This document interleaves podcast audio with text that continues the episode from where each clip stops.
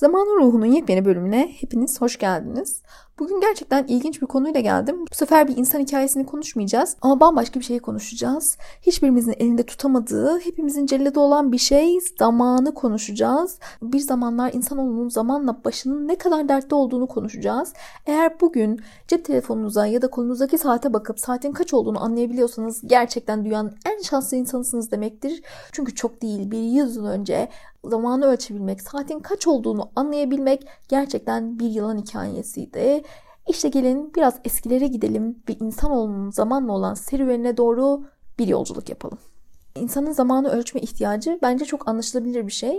O yüzden de antik çağlardan beri zamanı ölçmek büyük bir uğraş olmuş insanlar için. Gece gündüz ne zamandır, bir iş ne kadar sürer, dini ritüeller ne zaman yapılmalıdır? İşte bunların cevabı hep zamanda gizli ve siz ancak zamanı ölçebilir, onu anlamlandırıp ölçeklendirebilirseniz bunlara ayak uydurabiliyorsunuz. O yüzden işte antik çağlardan, işte antik Mısır'dan itibaren zaman ölçmek insanlar için adeta büyük bir challenge olmuş. Osmanlı İmparatorluğu da tabi bu serüvenden geri kalmamış. Bir de Müslüman olmanın özellikle ekstra bir etkisi var. Çünkü İslam'da zaman çok önemli. Yani Ramazan'ın hangi gün başlayacağı, işte sahurun ne zaman biteceği, namazların ne zaman kılınacağı aslında hep zamanla belirlenen şeyler. Ve siz o zamanı kaçırırsanız yaptığınız ibadet de kabul olmuyor. O yüzden kılı kırk yararak düzgün bir zaman ölçüsüne, saat ölçümüne ulaşmanız lazım. Peki ama nasıl? Osmanlı İmparatorluğu'nun buradaki çözümü bir müneccim başı atamak olmuş efendim. Müneccim başı kimdir derseniz, ciddi misiniz derseniz evet çok ciddiyim. Müneccim başı saraydaki önemli görevlilerden bir tanesidir. Şimdi Topkapı Sarayı'na giderseniz, dördüncü avluya geçerseniz orada beyaz bir kule görürsünüz. Hekimbaşı Kulesi'dir adı Bizans zamanından kalmış sarayın nadir parçalarındandır. Bir burç olduğu düşünülmektedir. İşte bu kulede hekimbaşı ve müneccimbaşı ortak çalışmaktaydı. Müneccimbaşı'nın önemli görevleri vardı. Bunlardan en önemlisi ibadet için doğru zamanı belirlemek. Yani Ramazan ne zaman başlar, sahur ne zamandır, bayram namazı ne zaman kılınır, imsak ne zamandır bunları belirlemesi gereken kişi müneccimbaşı. Ama yıldızlardan anlayan birini bulunca tabi biliyorsunuz ki insanoğlu başka soruları da sormaktan çekinmez ki bizimkiler de çok fazla çekinmemiş. Müneccim başılar bir de yıllık ahkamlar yazmışlar. Bu ahkamlarda da genelde eşref saatlerinden bahsetmişler. Nedir eşref saati? Bir işi ne zaman yapmanın en hayırlı olduğunu belirten saat. Yani tersanede bir gemi yapıldı. Bu ne zaman denize indirilmeli? Şehzadelerin düğünü ne zaman yapılmalı? Sadrazam atanacaksa ona mühür ne zaman verilmeli? İşte müneccimler bir de yıllık olarak bunları gösteren ahkamlar yazmışlar. Bunlar bazı padişahlar tarafından çok önemsenmiş. Onlar adım atılmamış. Bazı padişahlar ise gözüm görmesin demiş. Mesela 3. Selim gibi kendisi demiş ki Allah'ın bir günü benim için diğer günden farklı değildir. Bir daha bana bunlarla gelmeyin. İşte müneccimler aslında bu saatleri ayarlama hiyerarşisinin en başına duran insanlar. Onların altında ikinci müneccim başı ve üçüncü müneccim başı var. Onların da daha altında külliyelerde çalışan muvakkitler var. Efendim şimdi büyük bir külliyeye girdiğinizde böyle genelde girişlerinde tek odadan oluşan, aynı bir türbeye benzeyen, mücevher kutusu gibi muvakkit haneler görürsünüz. Bunların içinde de orada bulunan aslında astrolojiden anlayan muvakkitler o cami için namaz saatlerini belirlemekle yükümlüdür. Orada düzenli çalışmalar yaparlar, namaz saatlerini belirlerler ve yeri geldiğinde de müezzine yardımcı olurlar. Müneccim başı onları sınav yaparak işe alır ve onları zaman zaman kontrol eder, eğitir. Bu şekilde çok hassas olan namaz saatlerinin, imsak ve iftar saatlerinin doğru şekilde belirlenmesi ve halkın ibadetlerini doğru zamanda yapması sağlanır. Ama dediğim gibi Osmanlı'da yani daha doğrusu tüm dünyada o dönemlerde bu iş yapmak o kadar kolay değildi. Çünkü sürekli güneşi ölçmeniz gerekiyordu. Şimdi bence çoğu kişinin bilmediği bir şey söyleyeceğim. Nasıl Osmanlı'da hicri takvim ve miladi takvim varsa aynı zamanda ezani saat ve Avrupa'yı saat denilen iki saat vardı. Özellikle 2. Abdülhamit dönemlerinden bahsediyorum. Bu dönemde Avrupa'yı saat aslında bugün bildiğimiz saat. İşte buna zeval saati deniyor ve güneşin tam tepede olduğu an saat 12 olarak kabul ediliyor.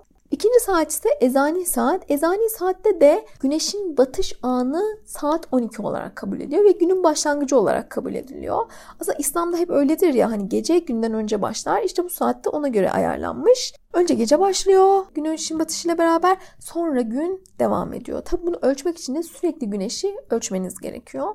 Bu konu çok ciddi bir konu ve saatlerin de tek tek elle ayarlanması, ayarlarının sürekli düzeltilmesi gerekiyor. Mekanik saatler henüz yok. 1884 yılındaki Washington'daki Meridyen Konferansı'na kadar da herkes zaten kendi meridyenini kullanıyor. Osmanlılar milyon taşından ve Ayasofya'nın kubbesinden geçtiği düşünülen e, Arz-ı Halife ya da Arz-ı İstanbul ismini verdikleri meridyeni kullanıyorlar.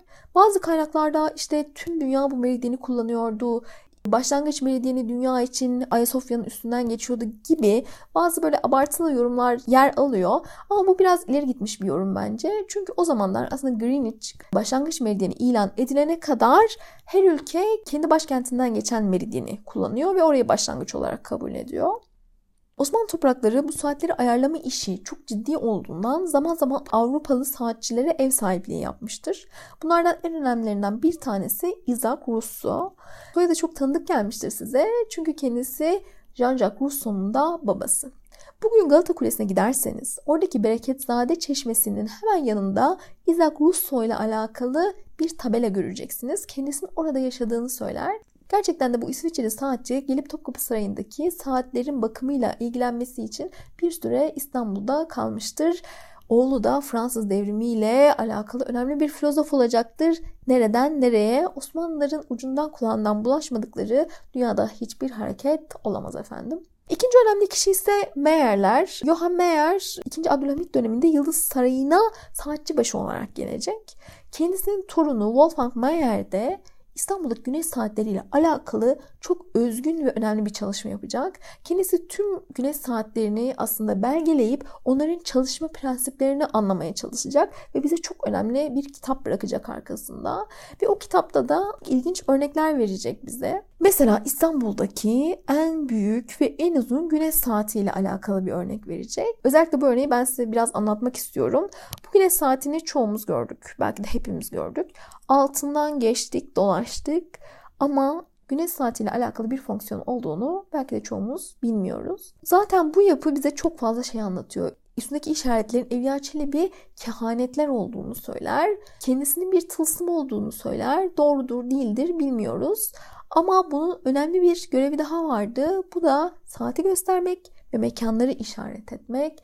Evet, podromda dikili olan dikili taştan bahsediyorum. Mısır obeliskinden. Obeliskin önemli görevlerinden bir tanesi de aslında güneş saati olması. Çünkü biliyoruz ki Mısırlılar aslında bu obeliskleri iki şey için yapmışlardı. Bir zamanı ölçmek, ikincisi de parselizasyon. Şimdi nasıl? Biliyorsunuz yani çok yüksek, çok yüksek tek parça bir granit yapı. Güneşin ona gün içindeki vuruşuyla beraber ne kadar uzun ve hangi yöne gölgesinin düştüğü bize saatin kaç olduğunu da söyleyebilir. Ama bunun dışında bir şey daha yapabilir.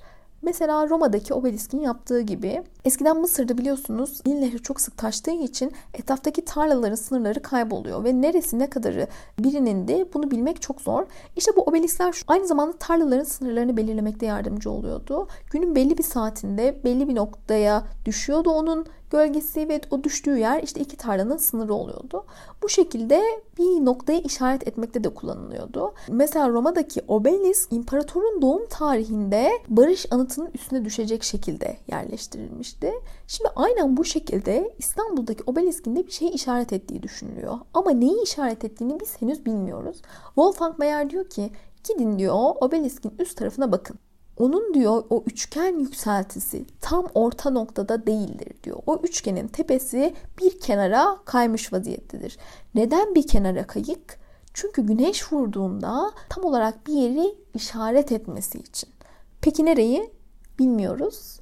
Ama bunun simetrik yapılmamasına, tam ortada o üçgenin tepesinin olmamasının bir anlamı olmalı diye düşünüyor Wolfgang Mayer. Gerçekten de vardır bence. Eğer Roma'da bu yapıldıysa Neo Roma'da kesinlikle yapılmış olmalı.